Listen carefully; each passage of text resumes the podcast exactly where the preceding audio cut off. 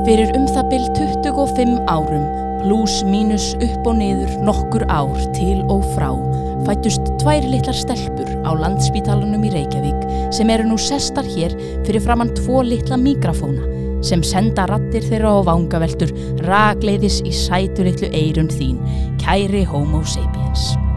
Þær eru sestar hér, þessar litlu eða stóru stelpur, til þess að velta fyrir sér menningu, hugarstarfi og hegðun homo sapiens, fullorðins fólks, breyskra manna, klókra kvenna og þær vilja skilja af hverju. Af hverju fólk gerir það sem það gerir. Af hverju það hugsar eins og það hugsar, af hverju það elskar það sem það elskar, af hverju það er svona eins og það er. Og þessi óvísindarlega, fáránlega, rugglaða en skemmtilega rannsók kallast. Þetta fullorna fólk er svo skrítið.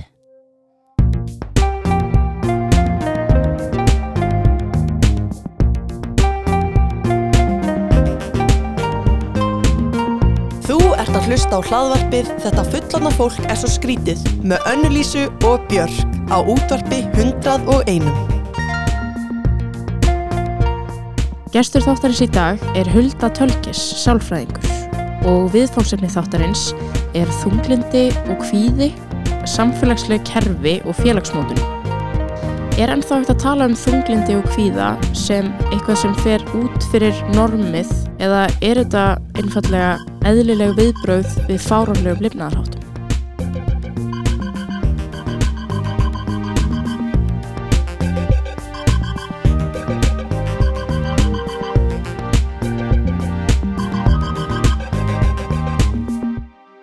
Já, ekki bara byrja þetta. Jú. Sko já, út af að við erum hérna alltaf með einlægninni fyrirrúmi og svona barnslega einlægni, þá langar okkur bara að byrja að velta fyrir okkur af hverju fólk fær eða verður þunglind og kvíðið. Mm -hmm. Gekkið spurning og ég elska sko batslega einlagni Mm. og hef fyrir sökuð um það sjálf sko bara stundum erst eins og þessi sex ára og glöði yfir einhverju bara já, ég, þannig á lífi bara að ég elska það, Það er best, sko. það er best sko þannig að hérna, ég er all for it um, ok, af hverju verður fólk kvíð og þunglind? Var það ekki spurningin? Mhm. Ok, ég meina við getum alltaf að fara út um allt með þetta. Ég sko, hérna, ok, um, ég vil, þú veist, við erum að hugsa þetta út frá sko, hérna, ok, við getum tekið inn í þetta, þú veist, gen, erðir og svona hérna, áföll í, í fjölskyldun okkar og sögu og þannig, þú veist, það er einhver einn partur Mhm. og það er alltaf fleiri en eina ástæð fyrir að við verðum pinnum fyrir þunglindi eða kvíða. Það er alltaf, það er aldrei bara eitthvað, þetta gerist og það, það, það er eitthvað samspil. Mhm. Um, en það er eitthvað sem kom fyrir sem móta okkur á einhvern hátt og breytti heimsýnin okkar og hugsunin okkar þannig að það er ekki eins og einhvern veginn við bara vöknum í daginn og bara eitthvað að mér finnst lífið umurlegt Mhm. bara út af engu að það er eitthvað sem að, sem að gerðist og það þarf ekki að hafa verið eitthvað svona hræðilegt slís eða eitthvað það geti bara verið, þú veist, hvernig þú upplifir eitthvað sem barn uh, fannst, fannst þú vera, ekki, þú veist, vittlaus eða ljótur eða leiðileg eða eitthvað Mhm. og fórst að hugsa á ákveðin hátt Mhm. Einmitt. en auðvitað, auðvitað getur líka verið eitthvað svona, þú veist, eitthvað í hormónum og eitthvað, þú veist, ég meina fólk getur sínt bara svona þunglinseinkenni eða það er með mikinn járnskort eða þú veist, er það er alveg til en það, mér, þú veist, það er ekki meitt bara svona, það er eitthvað að heilanum aður og það gerist bara allt í einu, þetta er eitthvað sem mótast í fyrir einhver tíma Já. Mhm. Einmitt. ég held að það sé stuttasvarið Einmitt. mitt allavega Já. Algjörlega, sko. Mér finnst þetta gett áhugavert að pæla í þessu, sko. Bara líka hvenar í mannkynsugunni urði við eitthvað svona kvíðin mm -hmm. út af því að hérna, ég man að ég las ég í Sapiens eða Mhm. eitthvað þá að vera að tala um eitthvað svona þegar við vorum safnanar, þá vorum við svo mikið í núinu að það var Mhm. eitthvað svona hérna eru ber, borðum þessi ber svo svo við bara hér allir eitthvað í hóp það var búin ekki svona, út af því þú veist það var líka eitthvað ofbeldi og eitthvað svona dót Mhm. milli apana og eitthvað Mhm. eða þú veist, við vorum orðin menn þannig að eitthvað og svo, þú veist, á einhverju tímpunkti byrjum við að setjast niður og eitthvað svona þurfum að byrja að plæja agra og það þarf bara að verða að uppskera Mhm. þannig að það koma kröfur um mm -hmm. Að ná að lifa af. Emmett og Já. mér fannst þetta svo ógisla áhugavert. Ég var eitthvað, já, af því þarna byrjaði þessi framtíðar mm sko kvíði að myndast. Algjörlega. Og ég meina veist, það, það er alveg eðlilegt að vera með við erum bara með, alveg, með tilfinningar og við höfum alltaf verið með tilfinningar en við höfum ekki alltaf kannski verið með mikið tilfinning að vanda Mhm. svona einhverja flækjur og ég held að það sé nákvæmlega því að ég held sko að hérna, við höfum, þú veist, lífið var bara miklu, miklu, miklu einfaldara og við vorum kannski í meira svona minstri bara eins og dýrin, einhver svona takti samspil við náttúruna Mhm. og eftir því sem einhvern veginn já, bara ég er líka að starfa sem lengur sem sálfræðingur og tala við fólk og svona, þá er ég bara erum við ekki geðveikt mikið að rugglast Mhm. Mhm. bara streytan og kröfunar og það snýst svo ótrúlega margt um peninga og Mhm. völd og við erum bara einhvern veginn við erum bara svo langt, langt, langt frá þessu og lífið er Mhm. orðið svo ótrúlega flókið og fólki líður bara ekkit endilega mjög vel Einmitt. Mhm. Þetta er einmitt það sem ég er búin að vera að hugsa svolítið og lesa um sko, hvort að það sé ennþá eins og kallað er abnormal Mhm. að vera þunglitur eða kvíðin að frekar það sé bara eðlilegt viðbröð við fáranlegum lifnaðarháttum og fárlegu kerfi Já. sem við erum búin að búa til Mér held það líka Já. að þetta sé svolítið svona man-made mm. dæmi þið vitið að hérna já, að við séum bara búin að rugglast rosalega mikið í því sko og núna, ok, maður vill ekki vera með einhverja forðaðs ekki og segja þetta snýst lífið um. Af því að ef lífið þið snýst um peninga það bara eina sem að þú vilt að snúst um fæn þú veist, það verður það bara þannig. Mm en hérna, ég dáist samt að fólki sem að sko þorir að skoða lífið sitt og bara, herru, það er eitthvað ekki eins og á að vera einna, af hverju er ég alltaf að díla þess að streitu, af hverju lífið mikið nógu vel? Og breytir sko einmitt lifnaðarháttunum og Mhm. finnur síðan mun fyrir í svona slow living og, og minna áreiti minni kröfur, minni pressu Einmitt. ég held bara að það sé eitthvað sem að ég þrá að gera þetta, vera bara að rækta græmmet einhvers þrátt í sveit Oh sko. Já. Já, ég held að allir hafi þessa ímynd að búa í einhverjum Ó, ég sá eitthvað Einhverjum kofa. TikTok, já, einhver kona sem bjó í Íshelli í Alaska og ég var eitthvað, ok, kannski ekki alveg Íshelli en þú veist, hún pantaði pizzungað, ég var bara eitthvað, what? Erum við heimilisfangi sitt í Íshelli? Ha? Já, hversu vel gerst Wow. en bara eitthvað, og líf hennar snýst bara um það, hún þarf bara eitthvað, já, ég þarf að byrja að hitta vatni núna og ég þarf að baða, eða þú veist, mm bara verkefnin hennar verða svo stór þessi verkefni sem tekur okkur þú veist, við getum bara skroppið í heita sturtu og það er ekkert ves. Mm en hún þarf núvindund í allt sko Já, einmitt. út af því það er allt svo mikið ves en þú byrði í Ísalli Ví líkt vesen sko já, Oh my God. ha, Vá. ég skil ekki neitt sko En ég var fór líka að hugsa um bara sko, þú veist, hérna, einmitt, að því að í dag er, er svo mikið talað um bara hérna, einmitt, Íslendingar, þú veist, við erum, og vestrana þjóð, við erum mánu svo kvíðin og það er allt einhvern veginn í rugli og svona og hvað gerðist. Ég fór líka að hugsa um bara hvað stutt síðan Íslendingar voru í einhverju brjáluð harkið mitt, bara ligg, liggu við einhverjum íshelli, þú veist, bara einhverjum torfkofum, þar sem lífið snýrist bara um að lifa af. Og kannski heyru við stundum eldri kynnslóðan að vera að segja núna bara að unga fólki er í bómull og það er allir með einhverja röskun og eitthvað svona.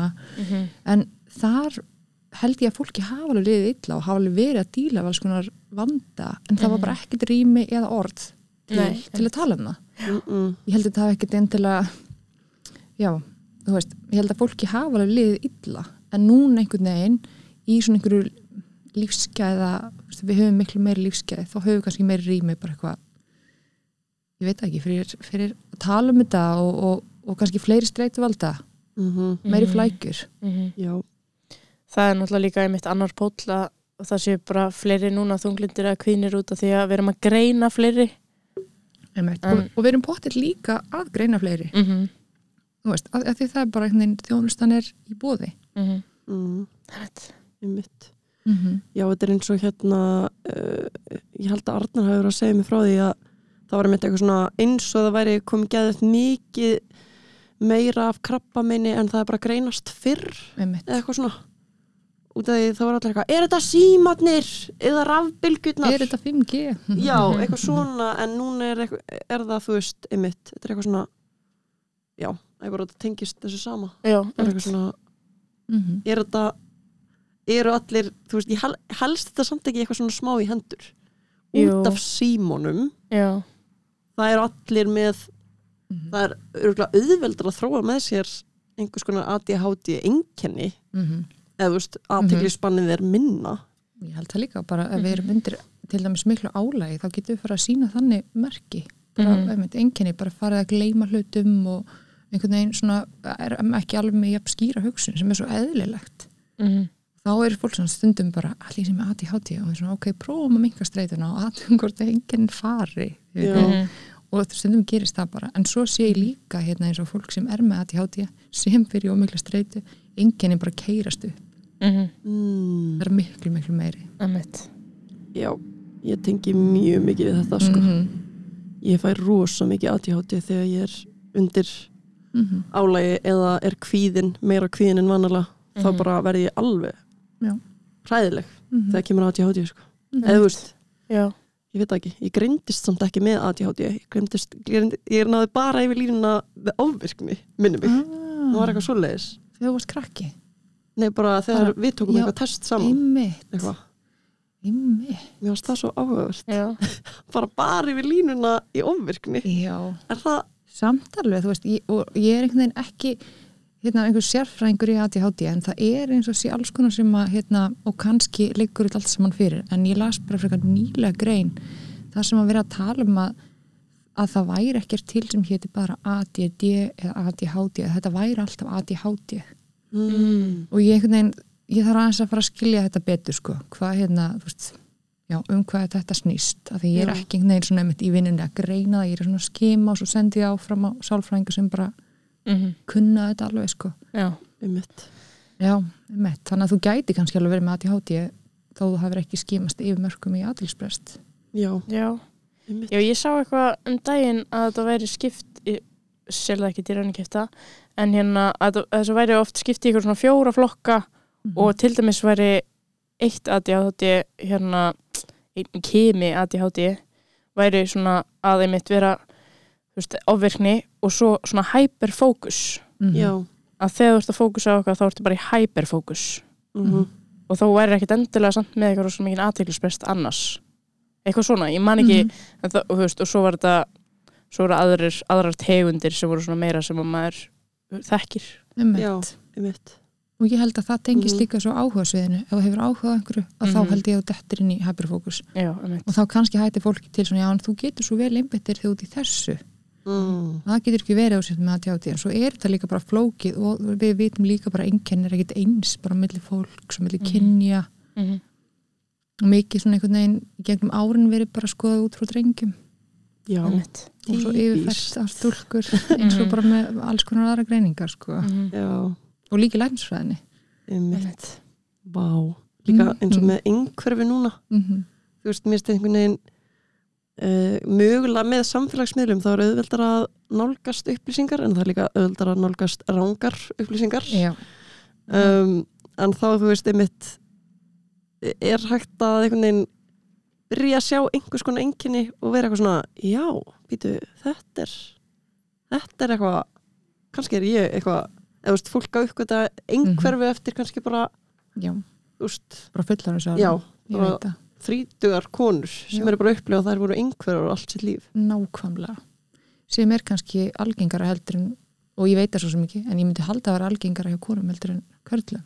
Mm -hmm. að vera upplifið þetta svona sein Mm já, það því að einhvern veginn einhverja stúlku kannski bara, þú veist, já bara einhvern veginn öðruvísi tekið á því í skólakjörinu eða bara, þú veist, við, við líka skoðum bara, hérna veist, já, bara og hvernig það er að vera og þú veist, oft er bara svona prúðar og góða stelpur bara, bara prúðar og góð þá er ekkit þá þarf ekkit að gera neitt Einmitt. Einmitt. og svo svona, hvernig líður þér? Mhm. og ég er alltaf kvíðin eða ég er alltaf hérna og jánga vini mm -hmm. eða eitthvað, þú veist Það skiptir ekki máli því þú veist ekki að trubla mig. Já, já. Svo þetta ekki taka aðtílina frá einhvern veginn, já, Já, skólstarinn og bekknum og einmitt. mm Þetta er alltaf að saga sem maður hefur heyrt svolítið oft já, já. Já, Svolítið of oft já. Og þetta á endanlega þá um, þá eru meiri líkur og þú þróa með þér einhverja aðra, þú veist, mm kvillaða vannlíðan -hmm. uh, út að þú færð ekki þá greiningu sem þú þarft og þá aðstóð þá. Og þá fer fólk auðvitað bara sjálft að leita sér leiða. Mm alveg eins og bara með, með veist, hérna, ógreint að ég háti eða einhvern kvíðavandi eða eitthvað veist, við, við erum líka bara þannig að við erum alltaf að reyna að kópa og stundum Mhm. er bara mjög sniðug leið í huga úlings að kópa þannig að bara drekka gett mikið af landa. Já, já. þá líður mér vel í smástund já, einmitt. Og það, þú veist, tökeri verið alltaf bara að reyna að líða vel í smástund Mm bara núna bara flýja sásökan núna. Og tökir verið ekki að pæli eitthvað fram í tíman hvað er skynnsamlegt, við erum alltaf svona bara sem lífverður, alltaf bara að reyna að minka óþægindi og auka öryggi Mhm. Jóps. og svo er kannski þróskin í framheilanum ekki alveg orðin eins, eins mikill og fullorðnum og þá bara meikar þetta ókslega mikið sens Mhm. Mhm.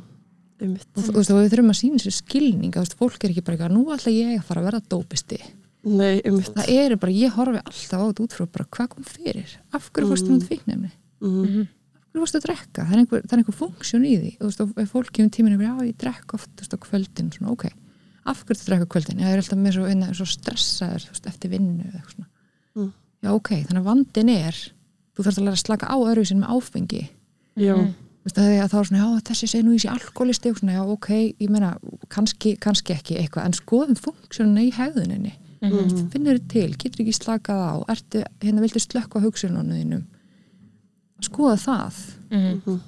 allavega ég, er- ég er alveg hérna með á heilanum svona self-medicating dæma því að það er alltaf hægt að finna skýring og bara sjá þetta skýrt, bara já, ég skil Mhm. ég skil svo vel akkur þú fórst í neyslu eða Jóps. Einmitt. og bara taka skömmina úr því að þetta er bara ég held alltaf oftast út af einhverju þjáningu Mhm. Já. Einmitt. Maður tengir nú alveg við þetta sjálfur, sko. Ég er Mhm. bara, mann eftir því ég kom staði, bara hvað, já, ég er að hugleiða af röngum forsendum og ég er að fara út að hlaupa af röngum forsendum mm -hmm. og ég er að kaupa með föt af röngum eða þú veist, þetta var allt tengdi mitt að slökkva þessa þjáningu í smá stund og eitthvað svona fái mitt þetta uh, dopamín og bara eitthvað svona já, þegar ég fæ þennan kjól til mín þá verður æði eða þú veist, þá verður ég flottust og bestust og mér áttur að svo vel maður Mhm. kaupir sér föt, svo koma fötin og maður máta þau og maður er eitthvað komið með heimsins mestu kröfur Já. og bara, og svo er þetta bara all, eins og allt annað í fattaskapnum já, og bara alveg óhugnarlega hratt Já. í rosalega hratt og það, veikur neginn, ég er líka bara mann eftir að hafa hérna keift mér einhvern tímann nýjan iPhone og ég var svolítið spennt fyrir því Mhm. og daginn eftir þá var ég bara svona sem í þung sko já, Ég bara svona, ó, þetta gaf mér ekki neitt einmitt. Bara ég lifi í kapitalískum sem snýst bara um peninga.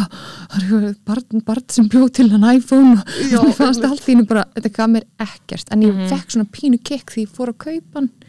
Og ég man sko einn ótrúlega fyndin ég, ég var svona eldri vin, hann er 60 aldri hann er mjög fyndin típa og við erum mjög ólík en svona eigum eitthvað svona sálu félaga samband og hann sagði til mig bara ó, ég er eitthvað svo þungur í dag ég er spáðið fara að köpa mig en jeppa.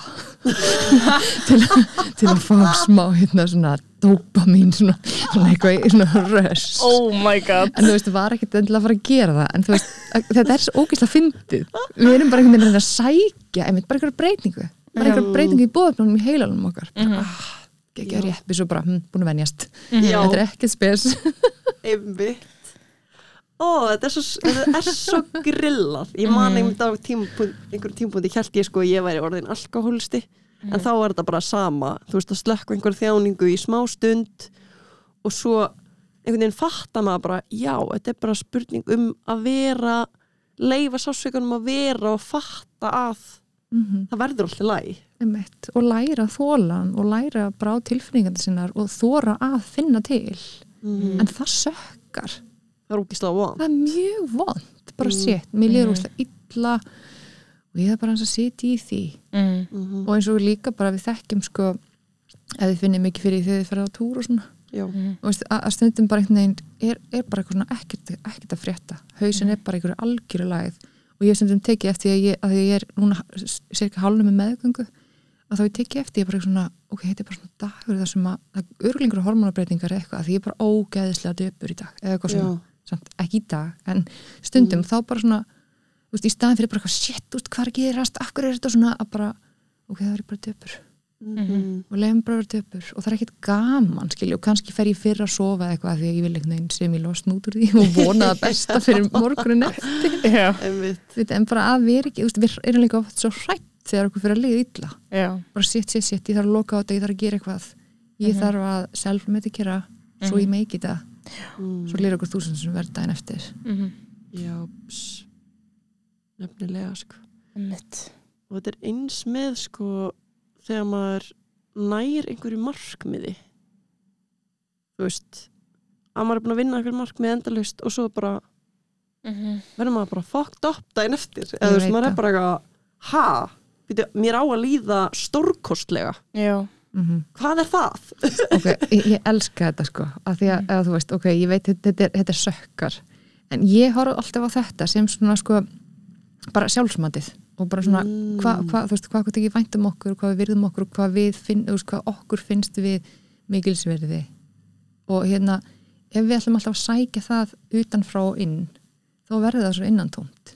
Já, Þú veist, að þá svona, ok, þegar ég útskrifast í þúr háskólanum þú veist, þetta verður þvílíku sigur og mér mun líða geggjað vel. Og ég segi freka við fólk bara, þú veist, ekki panta þessa tilfinningu að þér muni líða geggjað vel og sjálfsmatið muni bara breytast á einum degi. Þú veist, þá að því við erum, svona, við erum að sækja það og það er pínu, ef við erum alltaf að því þá er pínu eins og svona, við séum með vastang sem lekur. Já. það næri að vera pínu stund í honum og svo drippar úr honum. Mhm. að því það er einhver kjarna viðþorfana sem eru bara miklu, miklu sterkari bara ég er ennþá ógeðslega heimsk. Já. já og leiðinleg og ömurleg. Já, já, já, einmitt. og það mun komast upp um mig. Já, einmitt. Það er alveg ennþá, það er að vinna með það. Já. til þess að við getum kannski svona, ok, vel gert ég. Já, Einmitt. og sjálfmatið allan daginn, Já. held ég. Alltaf þetta sjálfsmat sko.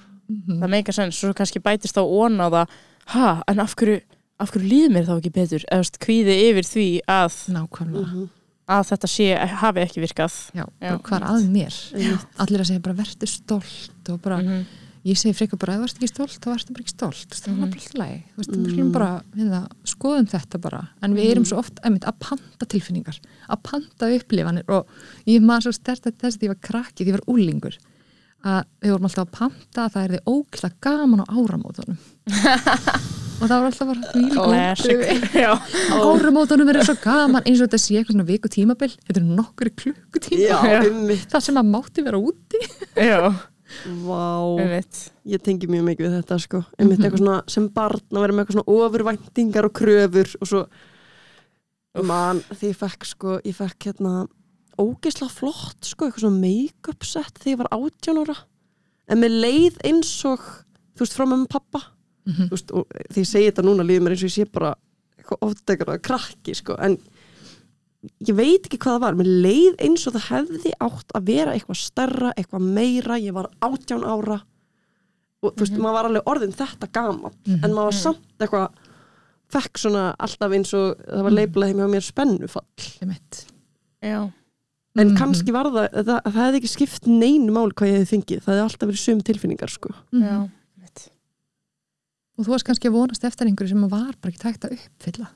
Um mitt þú veist, bara já, Já. svo það gerist þetta svo bara eitthvað sama hvað það er einmitt, þá bara, Mhm. mm. þá gerist það ekki. En sko, í tengslu við þetta þá var ég sko í annað skipti núna hérna, búin að vera að hlusta á Power of Now. Ég veit Já. ekki hvort þið hafa hlusta á hana. Þetta er náttúrulega algjört hippie shit. Ég elska alveg hippie shit þú veist, þá komið úr vísinda vísinda geiran, eða þú veist, bara úr vísindalegu námi þá finnst mér samt geggja að þú veist, lesa og hlusta á svona alls konar bútafræði og bara með þess þetta, þetta bætir við einhvern veginn Mm. og þar er svo mikið verið að tala um bara, þú veist, hva, einmitt, hvað við erum búin að rugglast hvað við notum heilan okkar allt og allt og allt og mikið Mhm. bara hvað við hugsum allt og allt og allt og mikið og hvað við erum alltaf að reyna að verða eitthvað þegar við bara svona nú þegar erum eitthvað Mhm. Við erum alltaf einhvern veginn að sækjast inn í og svona framtíðin ber þetta í skautir ég er fyrir mig, þá verður allt betra og fortíðin skilgreinir mig hver ég er. Veist, í staðan fyrir bara að vera eins, meira eins og dýrin bara, þetta er svona ég bara er, og hann er alltaf að tala um being og mér finnst það svo geggja, ég ætla bara að vera svona pína eins og hundrum minn í dag. Mhm. en við erum alltaf bara, þetta er svona, mér finnst þetta um þetta ég er umörlega, þetta er ekki nógu gott veist, þetta er allt þetta hugrana sem er á miljón og við þurfum þetta ekki. Mm.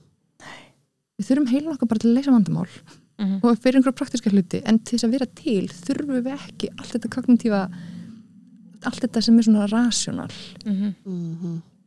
Einmitt, mann líður alltaf best þegar maður er ekki inn í þessu. Nákvæmlega. Það er að vera í ísællinum Já, kannski er þetta pítsu. að finna í Já, Íslandi Ó, þegar maður er í ísætlum að panta pizza bara treat yourself tonight we're gonna get some pizza in the ice cave. Og like, what the hell? Og hún lá Já. einhvern veginn svona og ég hugsaði, finnst þér ekki leiðir að liggja allan daginn inn í þessum ísælli voru engin húsgögn? Nei, ha, var það það bara var bara dýna en Vá, sko ég skal segja ykkur það. Hún var búin að finna eitthvað svona hún var, hún var með rafmagn sko. Ok, ok, þetta var, þetta var mjög skrítið. Kannski er þetta eitthvað sviðsett. En allavega, ég vona ekki. Að, þú veist, fólk var eitthvað svona ég var búið að setja eitthvað innstung og hún var eitthvað here's my workspace. Og það var eitthvað svona pinkrið í borð þannig hún gæti setið í indíunarstellingu og svo, var, að- svo er hún alltaf svona að svara spurningum frá fólki og einn spurningin var sko eitthvað you, you have a baby in there og því var með badd sko, bara unga badd í þessum íselli eða þú veist, það var, já, það var svona sex mánuð Eitthvað, are you not scared of the wild animals in Alaska? Og hérna, hún var eitthvað ok, this is a great question. Eitthvað, um, so eitthvað when we hear something outside we just make really loud noises and start screaming. Og ég var bara, oh my god, þessi kona býr í svo allt öðrum raunveruleika já, heldur en ég. Hvað, er, hvað gerur hún yfir daginn? hún liggur hann inni, er eitthvað smá í tölvunni og svo voru hann að útskýra hvernig hún fyrir bað og ég var bara Red. og hún En er samt bara í tölfunni líka já, það það er smá, sko, Það- þar mm. þar mistur hún mig smá. Já, þegar ég það- var eitthvað mm, það er ekki alveg það sem við erum að tala um sko. Ætlum sé á TikTok sé Já. ég er in my escape þetta er svo mikið eitthvað sviðsett. Nei, sko, ég vona ekki að þetta er skemmtileg kona, sko. Já, hún er weird, ég elska skrítið fólk sem er að gera eitthvað svona skrítið. Bara stendu með því. Já, ég veit það sko mér fannst það nógu skrítið ég var að horfa á einhverju þætti í manni og stöðu stöð tvö sjónvarpi síma segja eitthvað það sem fólk býr í útlöndum, Íslendingar í útlöndum. Og hérna já, ok. Og þú veist, þar er Ísland fjölskylda og bara verið að skoða veist, hvar þau búa og eitthvað svona og, og hérna fullt af hérna, fólki bara á mismöndu stöðum um allan heim. Og þar er einhver ung fjölskylda með meitt lilla stelpu og þau eru ekki með klósett inni og það er ekki svona vassklósett og ég var bara eitthvað svona wow, bara þetta er bara hvernig fara þau að þessu og þeim finnst þetta bara ekkert mál já, og svo er bara allt vatn, einhvern veginn rigningarvatn geimt og þú veist, ég einhvern veginn bara, við erum svo miklu luxuspjessara, við erum bara eitthvað Já. að það er umlegt væfæðina, já. við erum bara eins og svona einhverjir úlingar sem einhverjum geðu ekki kröfur já. já, við erum þörst bara í Já. úlingnum Já. við erum í rugglinu sko við erum bara Já. þar við erum bara först í átjónara Björk sem var ekki nú ánað með make-up settið Já. sem hún fekk algjörlega, við erum orðin svona svolítið heimtufrek held ég bara á, Mhm. þú veist, upplifanir og hluti og, veist, Mhm. og, og, og lífsgæði út frá því sem okkur hefur verið sagt að lífsgæði séu mm lífsgæði er að eiga Apple tölvu og lífsgæði er að geta Mhm. farið allt á bílnum sínum þú veit, og ég meina, ég er alveg, veist, þó ég reyni einhvern veginn að hugsa um umhverfið og þessu vegan og eitthvað svona, svona pínu pyrrandi típa þá er ég samt sko, ég er svo ófullkomin í þessu, ég keiri um á bílnum mínum Já. veit, og ég svo er ég eitthvað að deyja úr samviskupiti við því og þetta er orðið svo ógæsla flóki já, þetta er svo mikið rugl sko. Já, líka sko eh, svona bílakvíði þú veist, nú bjó ég í hafnafyrunum og var alltaf, þú veist, það var alltaf kyrt upp í Reykjavík og hérna bara mikill kvíði um þærð og eitthvað. Sko, lífsgæðin geta lappað. Já, maður gleymir því, þú veist, það tekur kannski ok, það tekur alveg þrefalt lengri tíma mm en þú færð svo mikla núvitund Mhm. og svo mikið frelsi. Og Já. maður gleymir því hvað og maður heldur að maður verði svo endunærður af síman ég veit það. Af hverju ferði ekki bara út í göngutúr? Þú veist það gott fyrir þig, en samt gerðu það ekki. Ég veit það, svo bara hungum við og skrollum bara endalaust og erum orðin bara eitthvað svoðin já, maður bara, er þetta ekki bara spurning um að maður nennir þið ekki já, og, Mm. og Já. líka eins og við vorum að tala með þættinu með völu þá vorum við að tala um aðlögunarhæfni. Mm -hmm. það er miklu erfiðar einhvern veginn að hætta einhverju heldur en að byrja á einhverju nýju. Þú veist, að, Já. að hætta að keira bíl og fara út að labba eða þú veist, Mhm. það er bara úf, mhm, í alvegni einmitt. Á ég að gera það? Já, á ég að gera það? Þá ég ég keri ekki það leikur það er hérna heitu bíl, þú veist ekki það það er fættið fásti bíl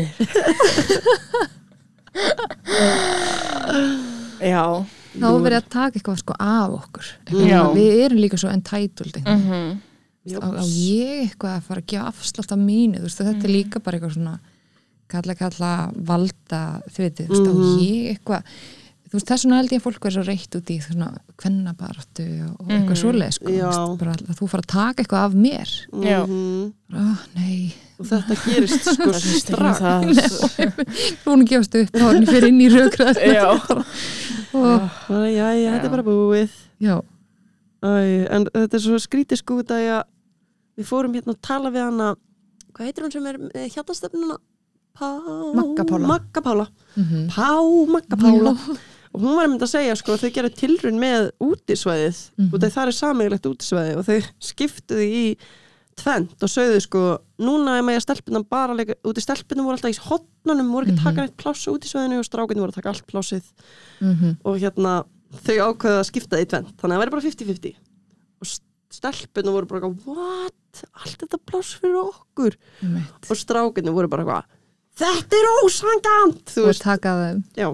Vá, bara strax þú veist, þau voru bara eitthvað Mhm. þryggjára eða eitthvað vá hvað það er skýr Þetta er ótrúlega skýr skýr- metafóra metafóra sko Shit og ég get nú ekki, þetta var nú bara einhver einn leikskóli held ég sko, eða þú veist, Mhm. þetta var bara Já. tilrunni á þeim, þannig maður veit ekki, þetta er ekkert marktækar ansók en ég En meina mjög mjög áhugavert. áhugavert sko. Já. og ég meina alls konar hegðun sem að maður sér hjá strákum sem að, þú veist, sem er bara tengt þessari kallmennsku þú veist, bara Mhm. að, að taka pláss og svona stundum hugsa ég, þú veist, þegar ég er bara einhvers þar úti og er að horfa, þú veist, með kynja gleruðan mínum á allt bara, og þá er ég svona já, sérðu strákana sem er að gera þetta hérna já, stúlkur myndir nú aldrei gera svona þú veist, út af því að þær mega það ekki og það, þú eru bara inn í einhver svona, þú ert að vera svona og auðvitað er strákunni líka þar Já. nú, nú máttu vera svona Mhm.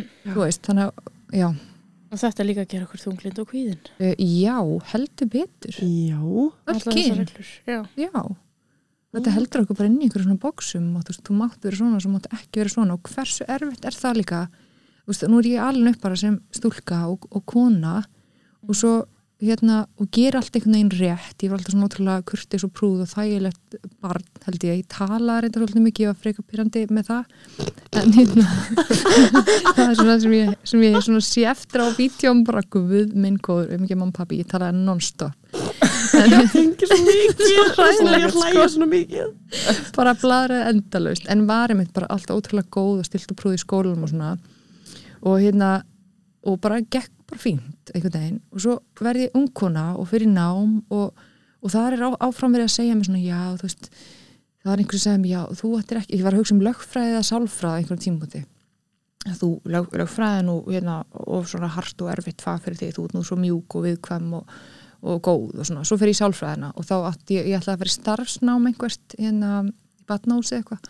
Og þá var ég svona, já þú ert nú svo viðkvæm ég veit ekki hvort þú hérna þú veist, hvort þú meika þetta, hvort það verður ekki of mikið fyrir þig, þú veist, það er alltaf verið að segja þér segja mér, þú veist, þú ert svona. Og svo einhvern veginn fer ég sjálf út í ein rekstur og, og, og hérna verða sjálfræðingur og þá á ég allt í einu að kunna setja mörg og vera ákveðin Mhm. mm. og ung kona. Hvar átti ég að læra þetta? Sorry, Já, ég fekk ekki tækifæri til að æfa mig fyrir fullorðin. Einmitt. Vá. Mm þegar ég þarf mjög mikið á því að halda Já, Mhm. þá bara eitthvað, sorry, þú ert að byrja að byrja Einmitt. ég held að allar konur tengi við þetta. Já, Mhm. bara eitthvað að vera allt í einu 25 ára og að vera eitthvað já, býttu nú er ég komin út í alvöru heiminn og þá þarf maður einhvern veginn að uh, kunna svara fyrir sig. Já, Mhm. annars er maður bara einhver hérna, hægt að valda yfir mann eins og tuska. Nákvæmlega.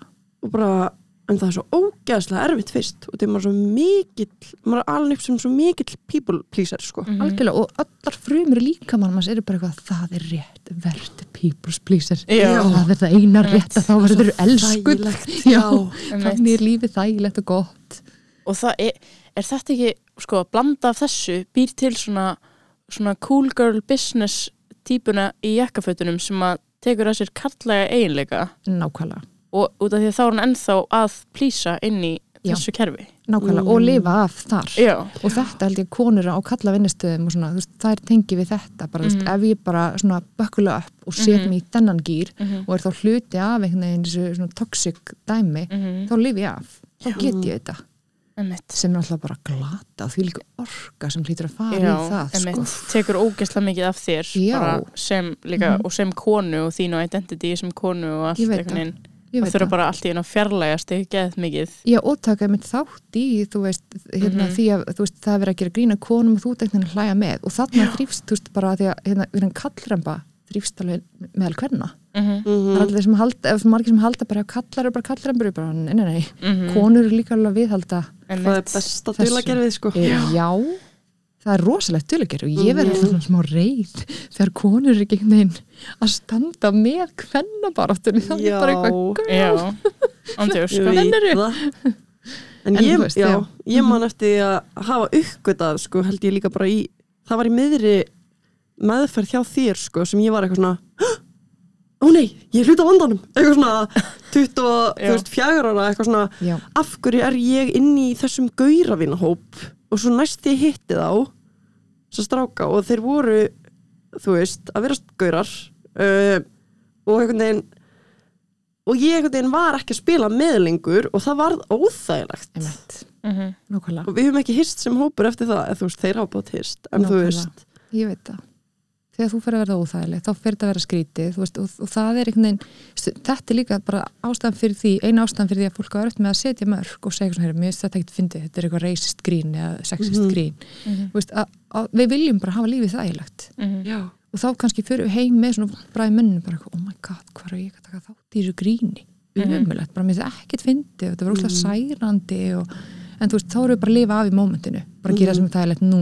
og og, erum við bara að af að og með þetta, það er örgast núna og svo getur bara komið í skjól já, Einmitt. veist, bara að reyna að vernda okkur einhvern veginn mm. þetta er svo galið sko en líka þegar þú varst að segja ég partur af vandamálunu, ég fekk þannig aha moment fyrir nokkrum árum þegar sérst, að því að maður minn varði eiginlega svolítið feminist á undan mér sem er eiginlega svolítið svona galið sko, Ok. okay. því ég var líka oft í svona strákaina og búið veginn taka þátt í einhverju svona gríni sem að það var bara umlegt, að þeir bara við eldhúsinu eitthvað svona, þetta er fyndið svo bara, þetta er ekki fyndið, þetta er óþólandi já, ég fann alltaf eitthvað svona en, en ég vissi ekki alveg um hvað þetta snerist Mhm. en maðurinn minn fór síðan í, í, í hérna einhvern kynjafræði pælingar og eitthvað og fór að fræða mig um kynjaglerjun og allt þetta og þá það, það, ég fekk þetta ris aha moment þegar ég fatt að ég væri hluti af einmitt vandanum Mhm. þegar ég var að fara að raka með lappirnar Mhm. Og þá var ég eitthvað, af hverju er ég að raka með lappirnar það er búið að internalæsa feðraveldið inn í mig Mhm. og ég er að taka þátt í þessu og hvernig get ég eignast börn og orðið móðir og á ég halda að raka með lappirnar þú veist, mm Mhm. allt þetta, þetta verður svo svona fucked up Mhm. mm. þá er ég bara, og af hverju er ég að mála mig á þú veist, og svo náttúrulega er það líka þannig að þú veist, þú mátt bara mála það og vilt mála það en af hverju er þessi Mhm. krafa sett á okkur einmitt þetta er svo hellað oh, eins og um daginn hann að.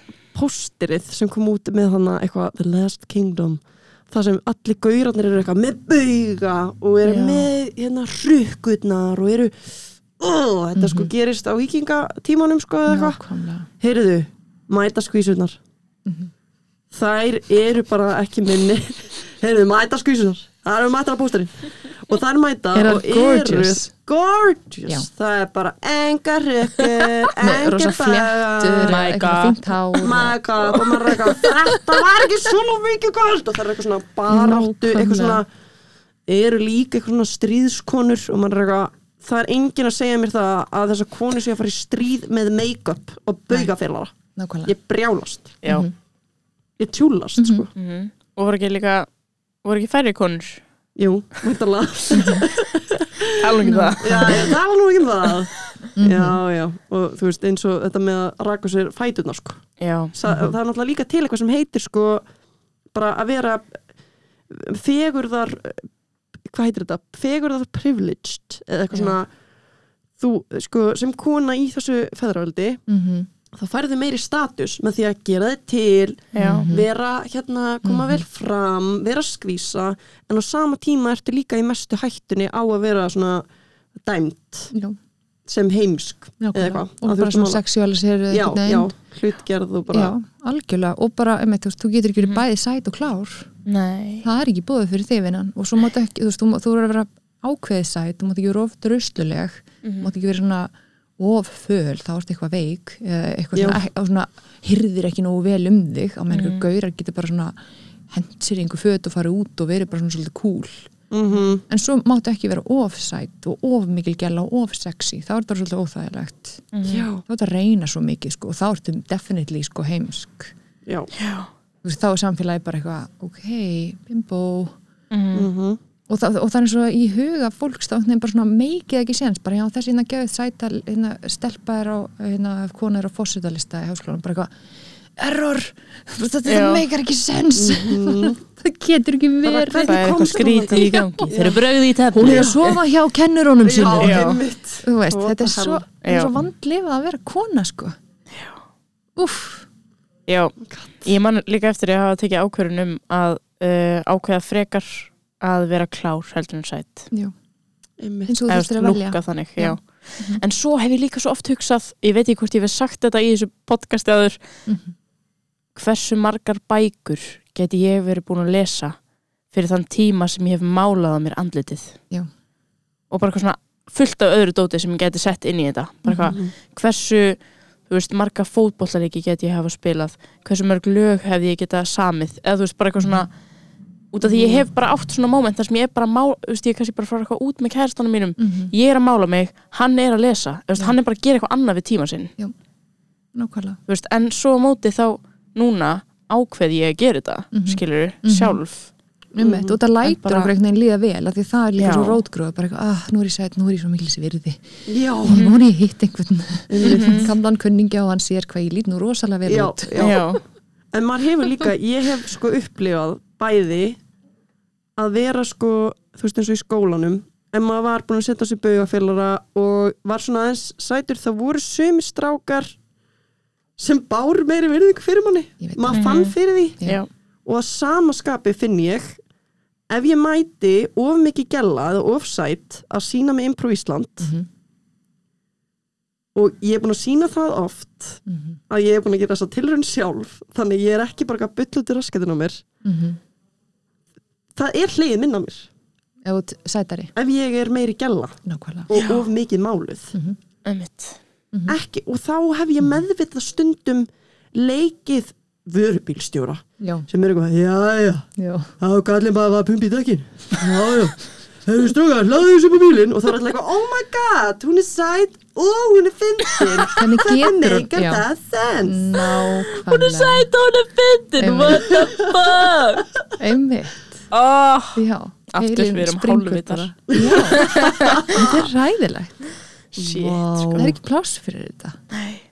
En ég hef alveg oft hugsaði mitt bara, já, nei, ég get nú ekki, já, einu fór að viðtali, ég get nú ekki, þú veist, ég get nú ekki verið með varaleit, þá er þessi sér að vera eitthvað sexy sálfræðingur, það er nú ræðileg, þú veist, bara pæli ég að maður sé hugsa sem um þetta, bara, já, ég er nú að passa mig, ég vil nú ekki vera eitthvað, þykist vera eitthvað, þú veist, ég er bara sem að pæli í þessu, skilji, og bara hugsa hvort að fólk myndi vera eitthvað svona, já, eina reyna, þú veist, og ég hef bara, ég hef aldrei í minni lífi klætt mig þannig að, og ekki það að ég geti flaggað einhverju brjóstaskoru, skilji, en sem er bara besta mál, en ég hef aldrei klætt mig þannig að, þú veist, það gæti verið óþægilegt fyrir einhvern að horfa á mig, að því að hann finnist óþægilegt að horfa óvart á brjóstin á mér. Nei, mm, Þú veist, bara ég er með brjóst og það er allt í lægi. einmitt. Þau megi alveg vera, já, þú veist, þau megi vera til, já, en ég er búin að hegða mér alltaf bara, nei, bara ver, verður settleg já, verður fagleg, verður í brjóstahaldara verður, annars bara þetta leipin sexy sálfræðingurinn. Hulda hefur tekið þessi hlutverkið að vera sexy sálfræðingur Íslands. Bjóða hana verkefna Guð minn almatur já, já, shit bara áleitt kollega eitthvað svona, bara, er hún ekki alltaf mikið þú veist, er hún ekki að reyna svolítið mikið í dag? Þú veist, hún bara, þetta er bara hugsanlestur og svona raunverulegur ótti stundum sko. já, Já, Vá. og með mitt sko, nú spyr ég aftur um þunglindu og kvíða sko. Um, er, er munur á á kynjunum öllum kynjum hérna bara tölur eða þú veist, eitthvað. Mm ég meina Hver- kon, konur eru allavega greinast frekar með kvíðraskanir mm -hmm. en þarna þurfum við líka að taka inn í bara að menn leita sér mun síður aðstöðar Mm -hmm. þannig að það er spurning, þú veist er, er bara jafn mikið þú veist, en konur eru að greinast meira. Og maður veit það ekki. Og líka bara þú veist, hvernig, einmitt, hvernig koma einkenni í ljós út frá líka bara kynhlutverkunum, þú veist, hvað er viðeigandi að sína hjá körlum versus konum. Mhm. um, eins og líka bara í þunglindi þú veist, eins og bara hérna í fæðingaþunglindi það er ekkit eins hjá konum og hjá körlum endilega. Veist, það getur verið svona reyði, aggresjón, pyrringur veist, hérna sækja út af heimilinu hjá körlum. Á meðan við erum frekar að sjá kannski á konum svona debur og grátur og, og svona þingsli og einangrun. Veist, e- og þetta er kannski sam, sami vandin þú veist, um einhvern veginn því sama. Þú veist, þannig að það, þetta er líka svolítið svona trikki og ég held að við séum líka kannski gegnum tíðina búin að svona stereotýpa bara svona er þunglindi Mhm. fyrir alla Já, og það meikar bara ekkert sens nei, einmitt veist, en konur eru klála, ég meina konur eru 90% af mínum skjólstæðingum það, ég meina, þær bara eru miklu, miklu frekar að fara til sálfræðings Mhm. Já, og tala um tilfinningar sínar veist, út frá þeirra kynhlutverki og félagsmótun síðan það eru úlingar Mhm. eða börn mm. Við hinnar stelpu vinkonu sínar og strákar eru bara eitthvað svona "Ugh", þú veist, hvað þú veist, harka af sér og auðmingi þú einmitt. veist, þetta er svo ræðilegt af því að þeir eru með bara heila tögkerfi eins og við og önnur kyn Mhm. Mhm. og þeir eru með þessar tilfinningar en þeir bara eru svona þú veist, það er svona botlaðar upp þú veist, þeir bara fara einhverstað þarna inn Mhm. og bara lóklokku læs og bara ræðilegt Já, þannig að þetta er þarna þú Mhm. veist, og ég meina við sjáum náttúrulega bara ótrúlega mikið að sjálfsögum körlum, svo sem konum Þú veist, og þá fyrir maður líka að fæla bara, þú veist, hefur geta fengið bjargráð Mhm. og líka ef þeir hefðu þá kunnað að byggja um hjálp og kunnað, þú veist, þeir eru shit mér líður úr slítlega komandi í hot Mhm. bara já, Mm. það eru fleiri leiðir heldur hann að bara klára lífið mm. Einmitt. nokkulega og svo ótrúlega sorglegt af því það er alveg hægt að gera helling og þú veist, fólk fer alveg úr því að vera með sjálfsvísusunir í bara að lifa fínu lífi og við vitum bara að það er hægt en þegar við erum onni í hólun og líður umla að það meikar það bara ekki neitt sens að lífi ekki tengt sem að vera næs Einmitt. En þá er mikilvægt að sækja sér hjálp. mm Mhm. Hún er til staðar. Já, nokkulega sko og hvetja líka bara veist, einmitt, bara ala strákan okkar öðru í sig. Já, og kannski líka sko uh, ég, ég veit það ekki eins og þú veist, ég er bara búin að út frá bara, þú veist, Arnari og svona, þú veist, að kenna þeim einhvern veginn að taka móti upplýsingum.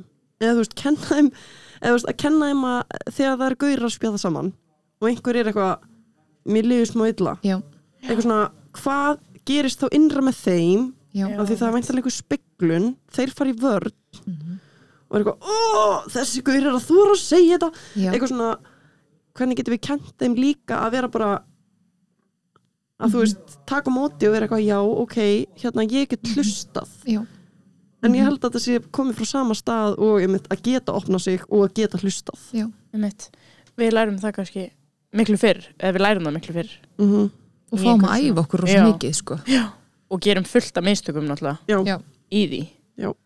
Þannig, þú veist, já, það er eins og þetta er að delayast eða senkast svo mikið. nákvæmlega og svo er þetta einhvern veginn já, með, með stelpur einhvern veginn svona litið einhverju hotni eitthvað, það er þetta dramatískar eitthvað svona, þær eru kannski bara úlingstelpur með tilfinningar og bara Mhm. búm, þú veist, það, það má bara vera pláss fyrir það Já. og það má líka það hjá strákum og þú veist bara Mhm. í staðan fyrir að vera eitthvað svona, oh, þú veist það, ég hef oft heyrt sko, að því ég hef vona stelpu núna annari, annari stelpu bara, oh, þú veist það er svo miklu auðvitað alveg stráka, það er minna, minna vesina þeim og ég bara eitthvað, really oh er þetta er bara God. félagsmótun þetta er Mhm. bara samfélagið okkar.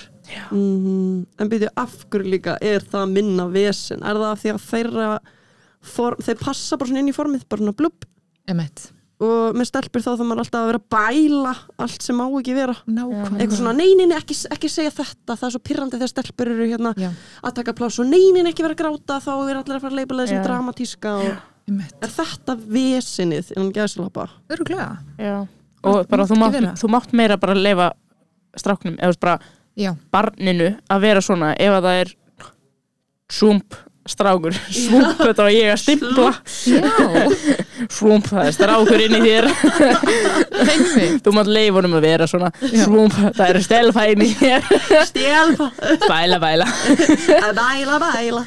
Og svo gera strákar eitthvað sem er, þú veist, út fyrir ramman og þá bara eitthvað, oh, boys will be boys. Já. og maður bara, ah, nei, nei, nei. Þetta er bara einhver gauralæti, strákalæti. Maður bara, nei, nei. Það er ekki þannig. Nei. Oh, og svo líka velti ég fyrir mér sko með kvíðaröskun kvenna. Hvort að það hafi bara valist úr út af því að konur sem voru people pleasers og voru meðvirkar og uh, með fullkomnaróttu Mhm. og þar á leiðandi þegar maður er með fullkomnaróttu þá sér maður bara það sem maður gerir slæmt.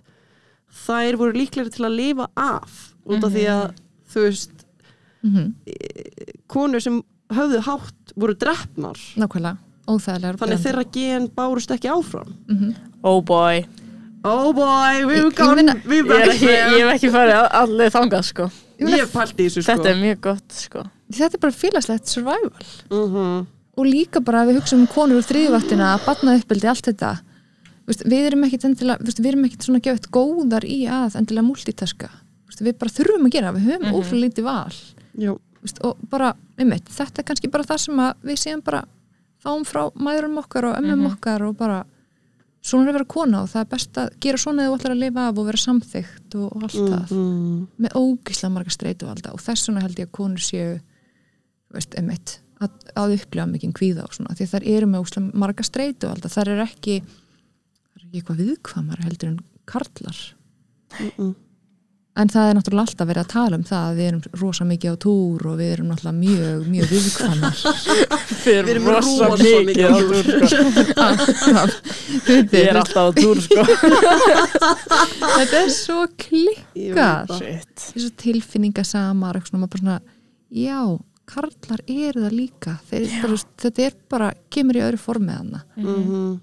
líka það svo fyndið að reyði sé ekki leipila sem tilfinning. Ef að Já. reyði væri leipila sem kynlíf. Hérna, ef að reyði væri hérna leipilað sem tilfinning þá væru gaurar miklu meiri tilfinningaverur. Já. En þeir mega vera reyðir af því það er ákveðinni já, og þeir mega vera svona þungir og fúlir, svona gamli kallar og þeir mega vera graðir.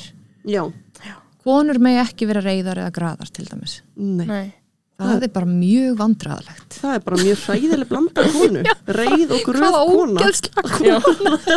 Hún fer líka á túr. Já, Új.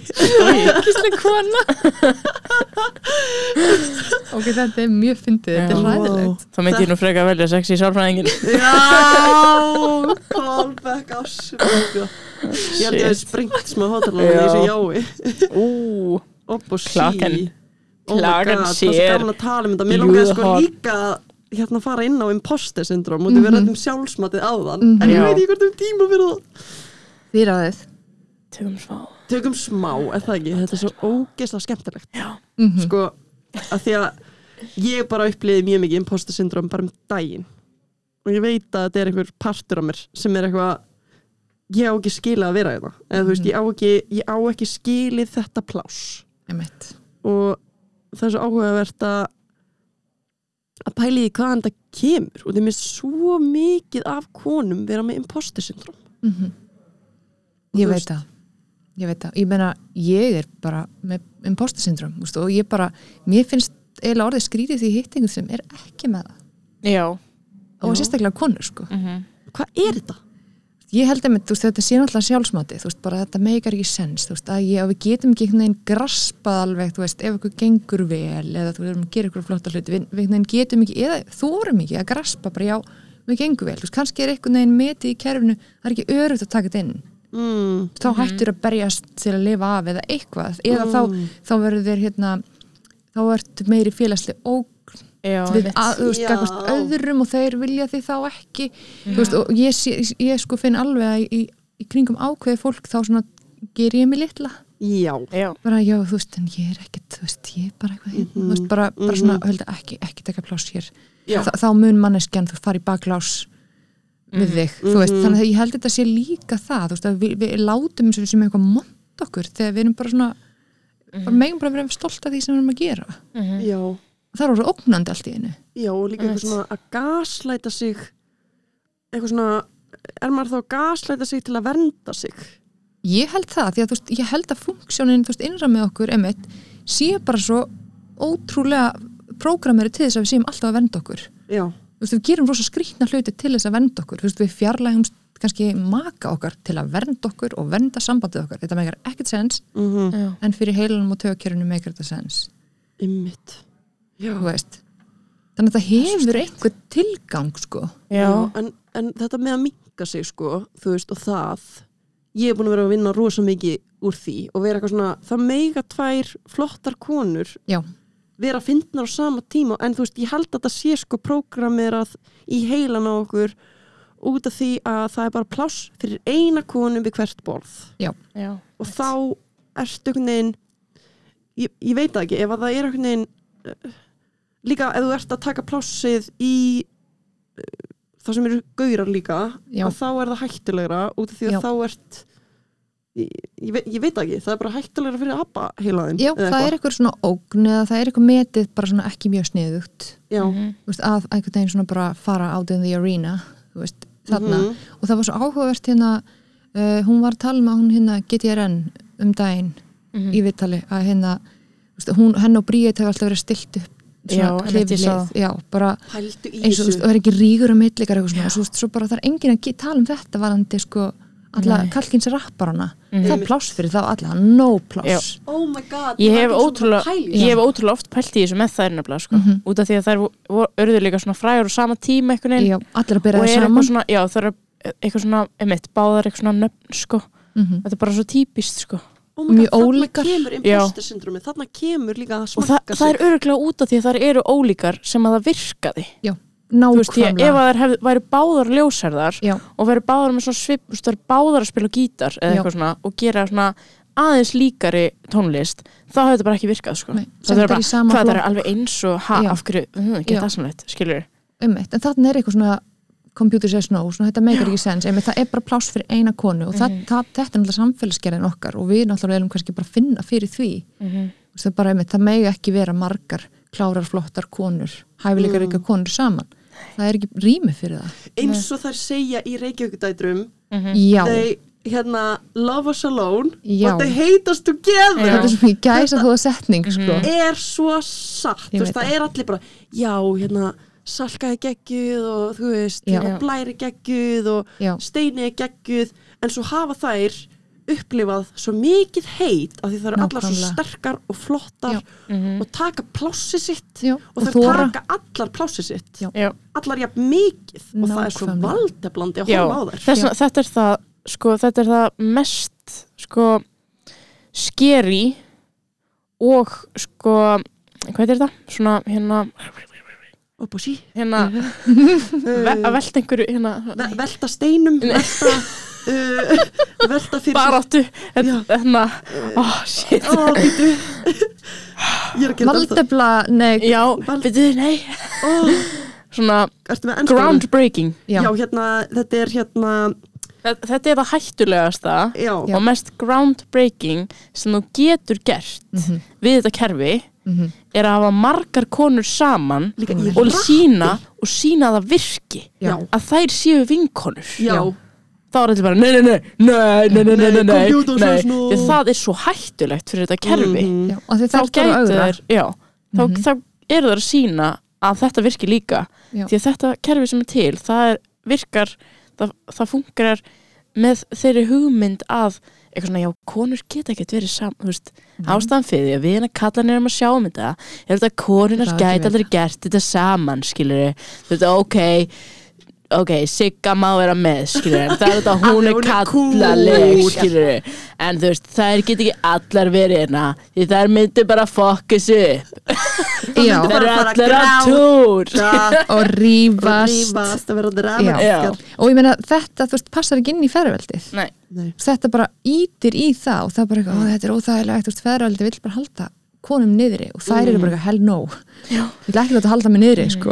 Og líka, Mhm. sko, það sem það sem bara fólk, bara nú tala ég til alls fólks bara, þú veist sko, hérna, kæra fólk að núti horti þetta er ekki í Ísland Nei. sko. Nei, sko, líin sem er líka verið að mata er að konur vilja einhvern veginn taka yfir en við Já. erum bara fólk að berjast gegn feðraveldinu. já, Mhm. Allt fólk á að vera að berjast gegn þessu kerfi sem er löngu útdaukt nákvæmlega og á bara þetta er ekki að virka, við erum að drepa plánutun okkar.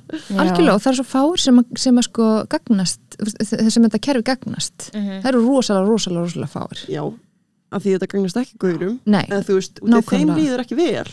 nákvæmlega. Út af það er bara ógeðslega mikið krafa að vera gauragaur. mm, massaður og Já, stórt tippi og Já, og, ek, og eiga jeppa. Eiga Man, að mér vantar smá dopamin í dag smá rush, ég ætla að vera að kaupa með jeppa það er svo klikkað sko. Mér langar að gefa eitt sjátt á annan hóp eins og Reykjavík dætur um, sem er svona ekkert eins og þær en bara eru líka að gera þetta og það er The Boob Sweat Gang. Já, bara- Þær eru svo geggjaðar. og flottar. Mhm. en æðislegt. Punkband Punkband sko ok, og það er bara, voru það ekki, það eru til út af workshopi Já, hjá Gíu Jóns. Já, og bara svona, við ætlum bara að vera hljómsveit. Og nú erum við bara hljómsveit og sem heitir The Boob Sweat Gang. Já. það er svo gett þær voru að gefa Ok. út hérna þær eru að fara að gefa út plötu og þær voru að gefa út tónlistamindband sem geggjað Alpha Mom, tjekka því Já. eitt Já. gott sjátat sko, Já. það gerist ekki oft en Sjátt sko ég bara er að vona að komi fleiri svona konur fyrir dóttur mína til þess að mhm, líti upp til sko Já, þú veist að hún bara fjögur ára og horfður Reykjavík þetta er bara eitthvað bad bitch eitthvað. Og ég er bara eitthvað, já. Já, verður bara bad bitch. Þú mátt það bara. Það mátt, það mátt ekki plássið, baby. Já.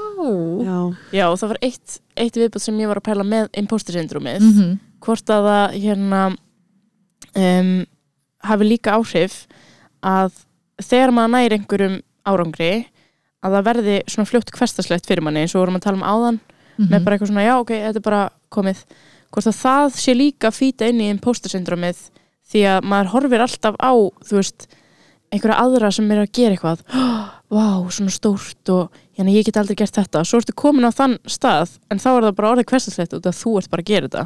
Ég veit það, og þú aðlast, við aðlumst bara ótrúlega fljótt. Já, og það meika bara svo mikinn sens að við sjáum þetta í einhverjum hillingum hjá einhverjum öðrum. Mhm. en sko líka við tölum um þetta bara út frá nútun þú veist, ok, eins og hérna ég, mér hafa draumir mér eins og að gefa út batnabók og ég gaf út batnabók og mér fannst það eitthvað svona stórkoslegt mm Mhm. stórkosleg hugmynd og fannst svo flott þegar fólk gerir það. Svo gerði ég það og ég svona ég fekk enga ánægju. Mhm, Bó, fekk bókinu mín í hendunar, fannst það gaman í svona korter mhm, og fekk enga ánægju út úr því.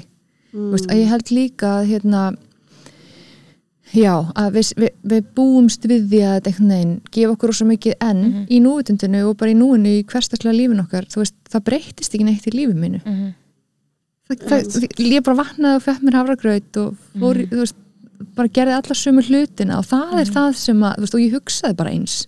Mhm. ég hugsaði ekkert eitthvað, djöfull er ég flott? Nei, og bara það festist, þú veist, við erum líka bara svona vanin, heilin er alltaf einhvern veginn að hugsa það sama, álita það sama mhm, eldgumul kjarnavið þarf eitthvað, þau eru öll aðna mhm, og oft þegar fólk er að tala við mig mitt bara hérna, þú veist, þegar ég næði þessu þá, þú veist, ég er svona, "Ah, ég held að þeir muni líða alveg eins, mhm, Já, þó að þú veist, þú léttist um 10 kíló eða, mhm, eða þú, þú veist, næra útskrifast þú veist, ég held að, þú veist, sjálfsmatið mun ekki bara eitthvað, hopp um 10 hæðir bara eitthvað, ég geggju það kemur held ég innanfrá mhm, en ekki það sem við erum að sækja okkur. Mhm.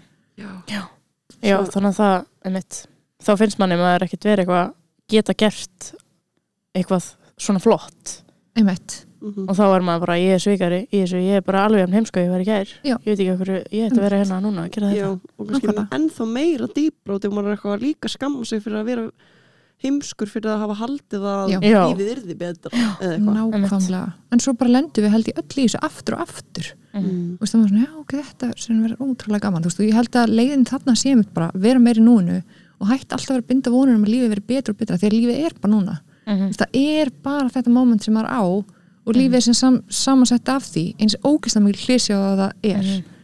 þú veist, að það er að eina sem við getum verið að reyna að njóta Mhm. þú veist, og reyna að lifa í Mhm. þú veist, og ég held að það veginn bara svona allavega ég að reyna það bara eitthvað svona, já þetta er svona, svona ég get samt verið Mhm.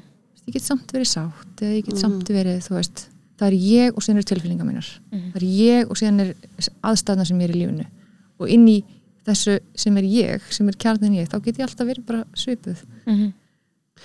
Vá, Þú veist. ég er að fá svona hérna fyrring í heilanum minn Yey!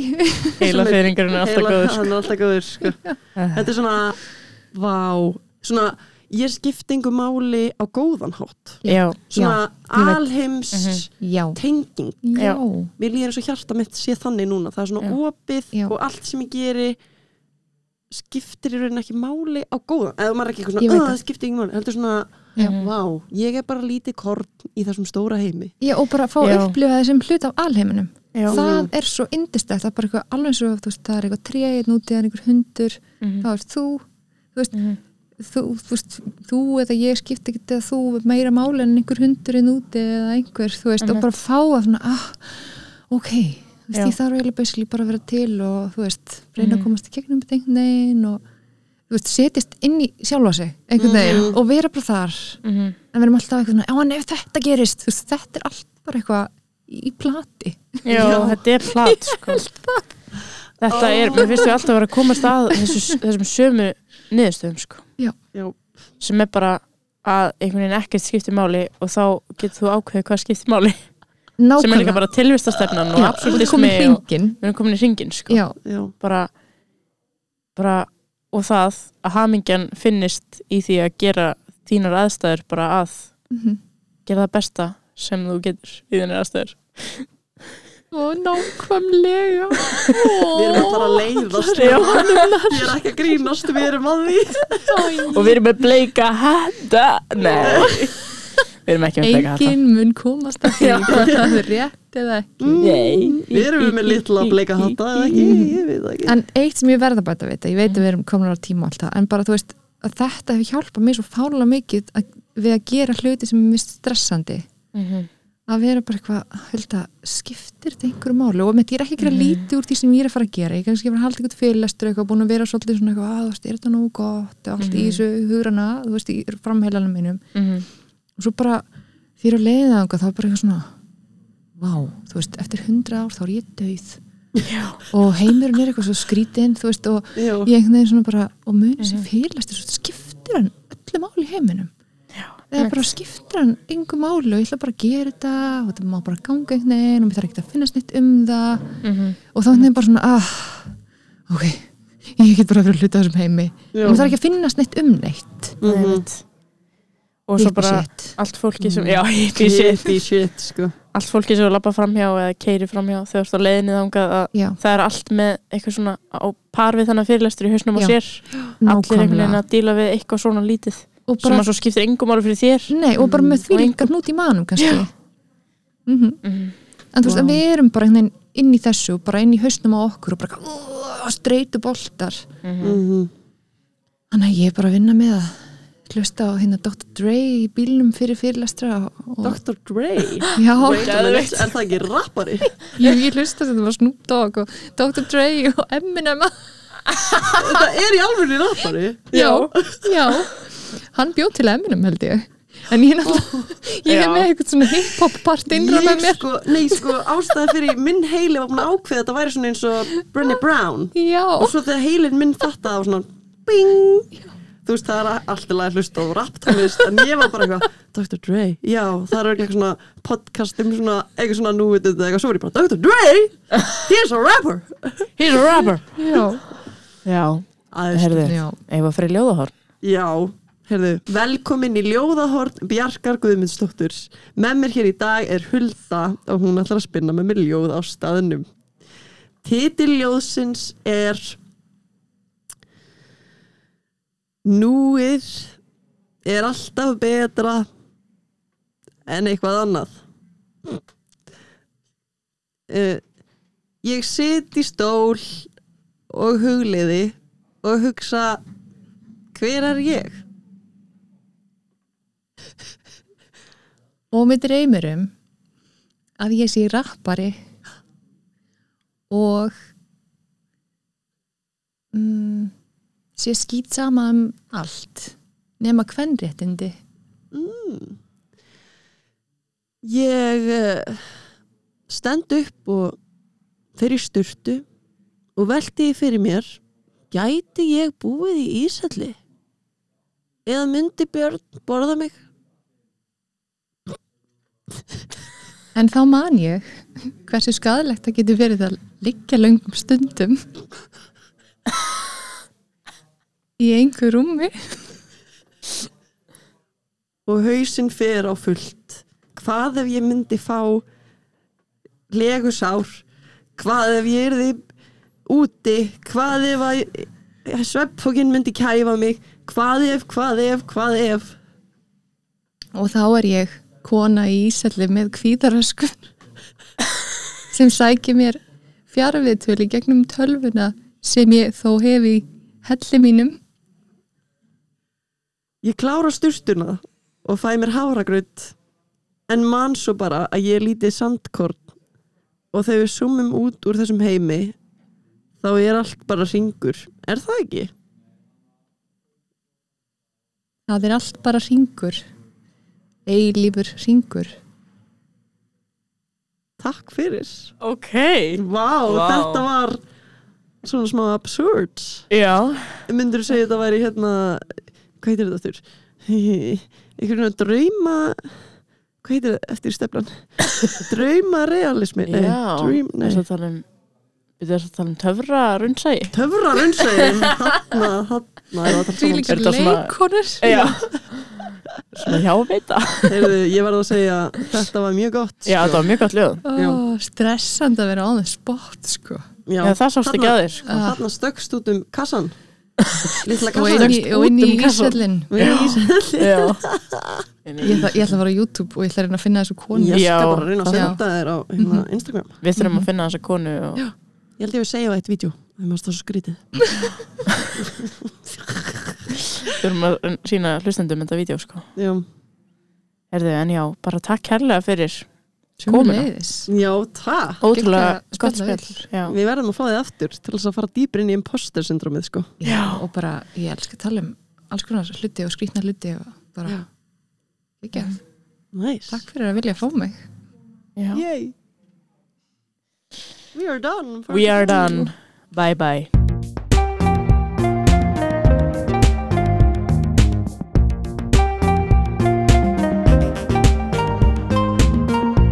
Þú varst að hlusta á hlaðvarpið Þetta fullotna fólk er svo skrítið með Önnulísu og Björk á útvarpi 101 þar sem draumar geta ræst og allir eru gladir. Ég er búinn.